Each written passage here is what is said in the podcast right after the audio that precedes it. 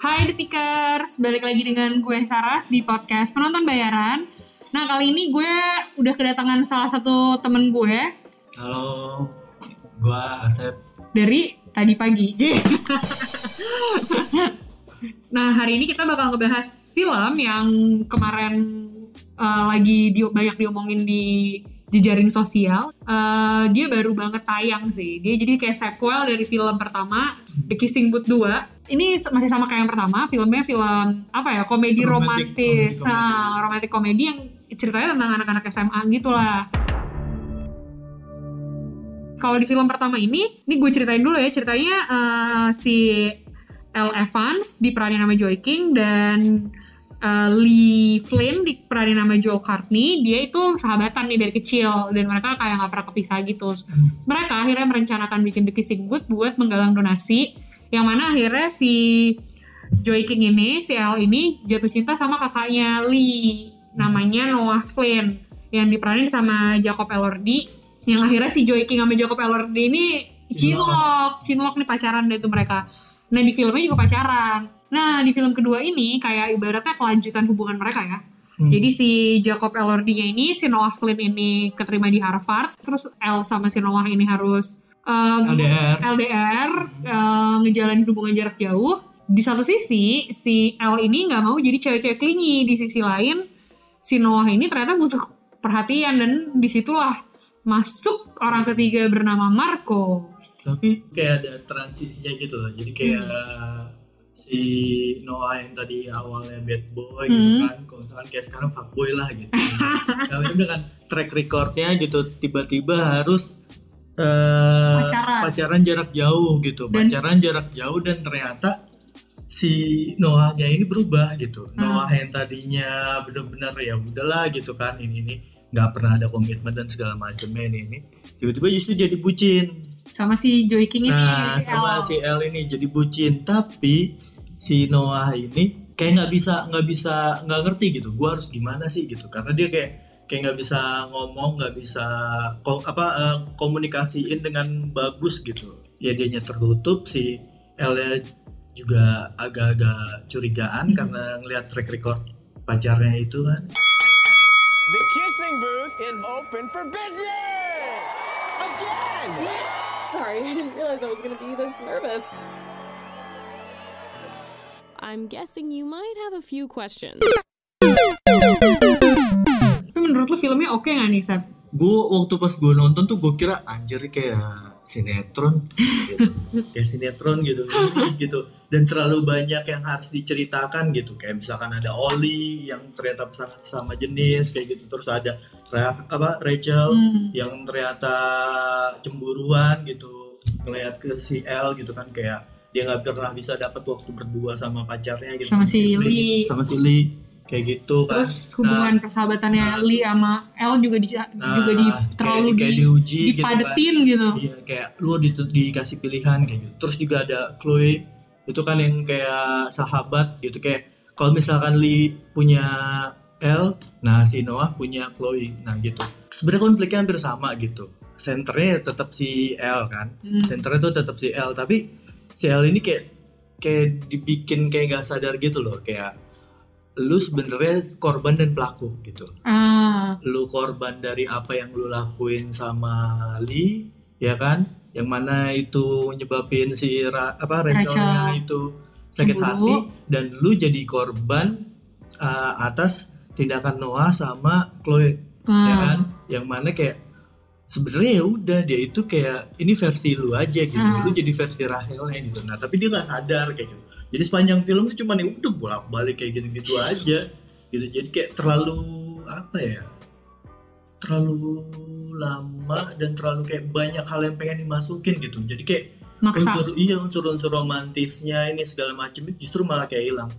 Dan beberapa yang harusnya kayak Marco Mhm. nah ini kan kayak sosok laki-laki impian seluruh gadis SMA nih. iya, iya. badan atletis jago nyanyi jago nari ganteng ya kan udah gitu kayak Perfect banget lah ibaratnya iya. Amerika Latin lagi kan sekarang kan kayak lagi wah lagi hotnya gitu cowok-cowok Amerika Latin dengan bulu-bulu di tubuhnya.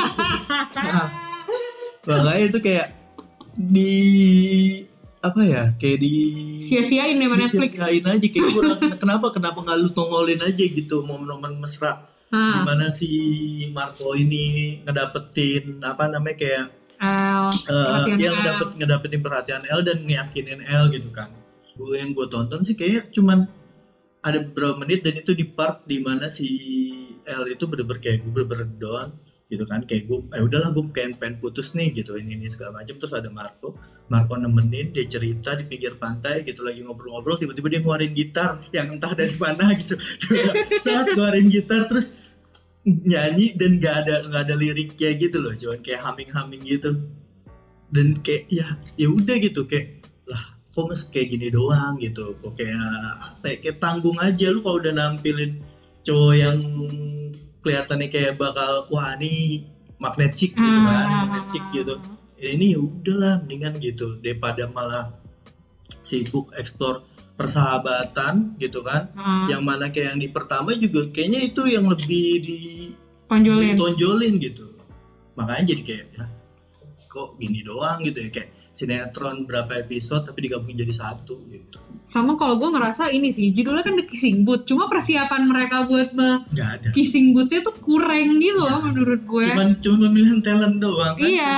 gimana mereka ngerekrut si Marco. Udah itu si doang. Marco yang kayak ngegantiin si Noah itu. Dulu kan tahun lalu ya Noah nih yang menjadi line up utamanya. Ini iya menurut gue persiapan kissing boothnya tuh justru padahal judulnya kissing booth gitu. Iya tapi dipersiapin Marco tapi Marco-nya sendiri nggak nggak masuk di situ. Marco malah pakai kupon. Ya kan? Makanya jadi kayak terlalu dibawa ke sana ke sini loh gitu. Iya. Kan kayak sini sini sini sini segala macam gitu. Kayak terlalu bertele-tele berceritanya gitu.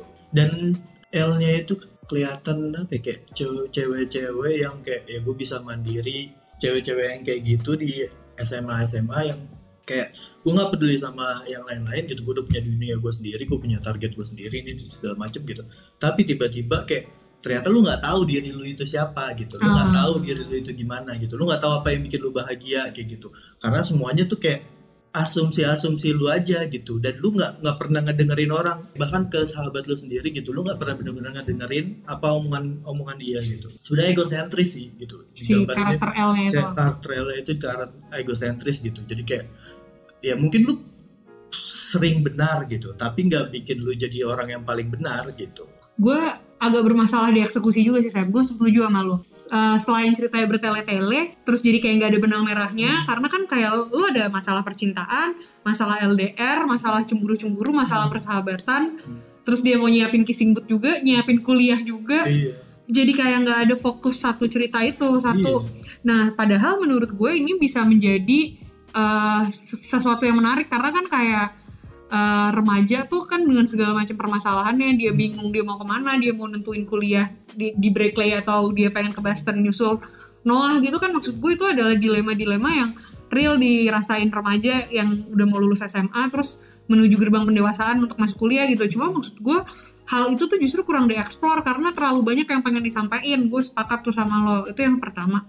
Terus kedua gue terganggu banget sama beberapa scene yang nggak real aja gitu maksud gue lo masa pacaran nih lo nelpon ke ruang BP ngaku kalau itu bokap lo.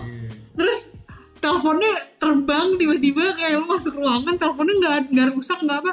Terus misalnya ada geng centil yang digambarinnya tuh centilnya keterlaluan gitu loh. Maksud gue si centil-centil cewek-cewek centil di SMA cuy gue juga pernah SMA nggak ada yang kayak gitu. Tapi untungnya di film ini itu kayak mereka menjauhi hal-hal kayak bullying gitu. Mereka Ah. menjauhi hal-hal kayak gitu gitu. Jadi kayak kehidupan semuanya ini harmonis. Ya harmonis nih semuanya. Lu mau sama musuh lu kayak mau sama siapa gitu tetap harmonis gitu. Nggak ada ini. Tapi konflik-konflik kayak itu justru malah dari ya keharmonisan itu Ah. sendiri gitu. gimana lu ngejaga harmonis lu sama temen lu gitu kan. Gimana lu jaga sama sahabat lu gimana lu sama sama pacar lu gitu kan. Atau mungkin tiba-tiba lu punya gebetan ini ini segala macam nah justru konfliknya dari situ-situ aja. Dan yang bikin apa ya terlalu fantasy itu kayak eh, jarang anak-anak SMA gitu kan. Yang mungkin kayak misalkan kayak masih labil Hmm. atau apa segala macam gitu kan. Dihadapkan dengan sebuah masalah di hubungan yang mana dia memberikan kesempatan kedua eh nggak mungkin sih gitu. Kayak oh ini gitu. Kayak lu berasa gitu. Cowok lu wah anjir selingkuh nih sama oh, sama temennya gitu. Udah gitu udah ketahuan ngebohong lagi kan ke gap ngebohong ini, segala macem gitu kan. Kalau nggak lu curhat di Instagram nangis nangis ke sahabat lu terus apa ngeblok akunnya dia segala macam ya kan nomornya dia ini ini, ini. Terus kayak Noah juga Hmm. lu anak kuliahan gitu pasti lu punya pride kan anjir gue udah udah udah mahasiswa ini, ini Di Harvard lagi. Nah iya, terus lu punya sahabat-sahabat cewek gitu kan ini segala macam dan lu pernah jadi fuckboy gitu kan. ini ini. Terus lu ngeliat cewek lu di depan umum ciuman sama cowok lain ya kan? Kayak kalau misalkan di Dunia kehidupan nyata nggak akan terjadi. Gak akan terjadi sih. Ya udah udah semuanya pasti dengan bener-bener yang ego masing-masing dan kemarahan masing-masing ya udah pasti pada misah. Pengalaman pribadi lu tuh, Sep. Enggak. Nih, ta- tapi mungkin persoalan yang terlalu ribet dan pengen disampaikan itu mungkin bisa jadi karena si The Kissing Booth 2 ini diambil dari novel judulnya The Kissing Booth 2 Going the Distance. Nah, tapi menurut gua, kalaupun film itu diadaptasi dari novel, karena kan novel kan lo bisa nulis sepanjang Hmm. apa pun tuh nggak ada batasan. Nah, film tuh ada batasan durasi. Nah, menurut gue tuh harusnya ada satu hal yang dijadiin fokus ya diambil dari novel itu Iya. nggak semua pengen disampaikan jadi benar kata lo kayak kerasanya terlalu banyak isu di film itu gitu. Nah lo sendiri nih Sep, kalau misalnya seandainya ini kan katanya bakal dibikin Kissing Booth 3, lo mau nonton nggak? gue sih nggak tahu ya kayak apa ya gue bukan orang yang penikmat film romantic komedi gue ngebaca sih ketiganya sih bakal menonjolkan pergesekan antara si Marco itu sama Noah Ah, karena di endingnya itu kayak Marco tuh bener-bener ngiyakinin gitu kayak oh ini dia worth it sih buat gue kejar gitu kan. Dan gue bakal kejar dia ini, ini segala macem gitu kan. Tapi bahkan sampai di akhir film itu tuh kayak si El itu nggak nggak menjatuhkan pilihannya gitu loh. Ah, antara sahabat dan kekasih gitu kan. Dari awal nih kan kayak dia dihadapkan dengan itu dua kan gitu. Kayak lu milih sama sahabat lu atau milih sama pacar lu gitu kan. Lu mau kuliah di Harvard atau lu mau kuliah di Berkeley. Dan dia di eh, di akhir kan diterima nih dua-duanya gitu kan. Dan gak mungkin dong lu ngambil dua-duanya gitu. Pertama beda negara bagian gitu kan. Terus juga ya lu nggak mungkin aja ini. Nggak mungkin aja double jangan di, di beda double kota. degree beda kota di gitu kan ini segala macam gitu. Dan dia nggak sama sekali nggak Menjatuhkan pilihan akhirnya. jatuhkan pilihan atau ngasih clue gitu kayak gue bakal milih yang mana.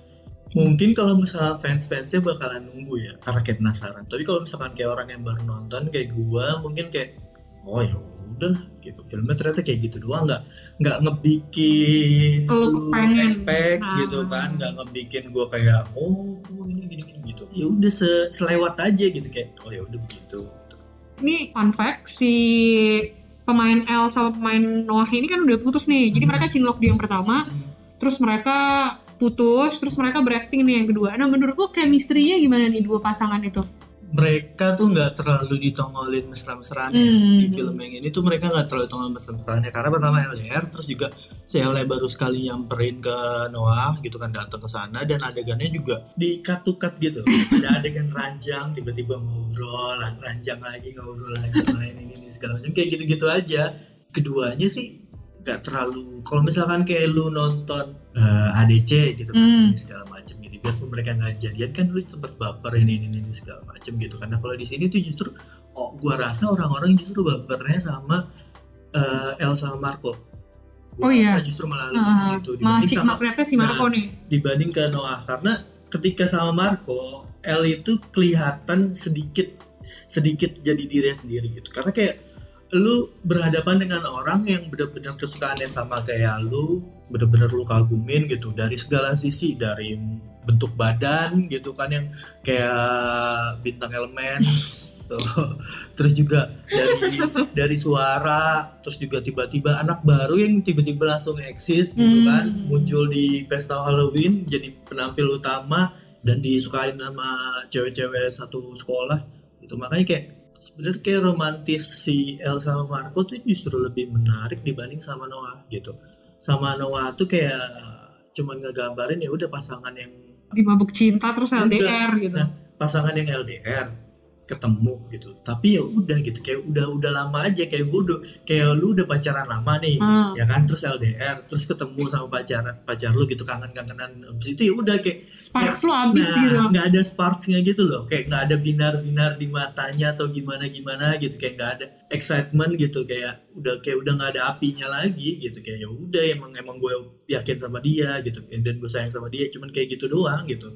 Kayak udah nggak ada hal-hal yang seru buat dieksplor gitu gue rasa sih dua-duanya sama-sama orang yang gampang jatuh cinta secara pribadi ya Ah, gitu. karena si Jacob Elordi juga cinlok lagi sama Zendaya oh Ya iya.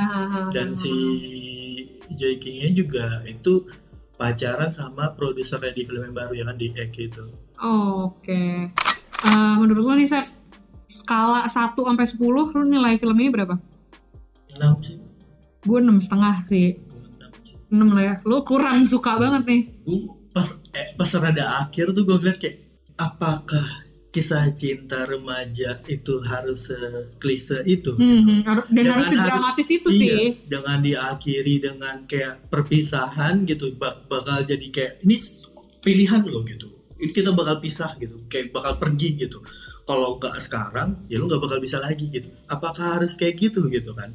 Remaja emang emang harus harus begitu harus kayak milih ini segala macem gitu bukan bukan dan itu kan bener-bener kayak momen-momen dadakan semua Hmm. kan ini segala macem kayak oh dia mau cabut nih ini ini ini gitu kan tapi kenapa kenapa harus kayak gitu gitu kenapa formula itu ternyata juga Ada di juga film ada Hollywood. film Hollywood dan masa sekarang gitu Dan berarti bahkan menurut gue eksekusinya jauh lebih baik ADC loh daripada Kissing Booth. iya itu tuh jadi kayak apa ya jadi kayak gila gua hidup 20 tahunan gitu nonton film nonton film Lo masih 20 tahun saya memang. 20 tahun Galah.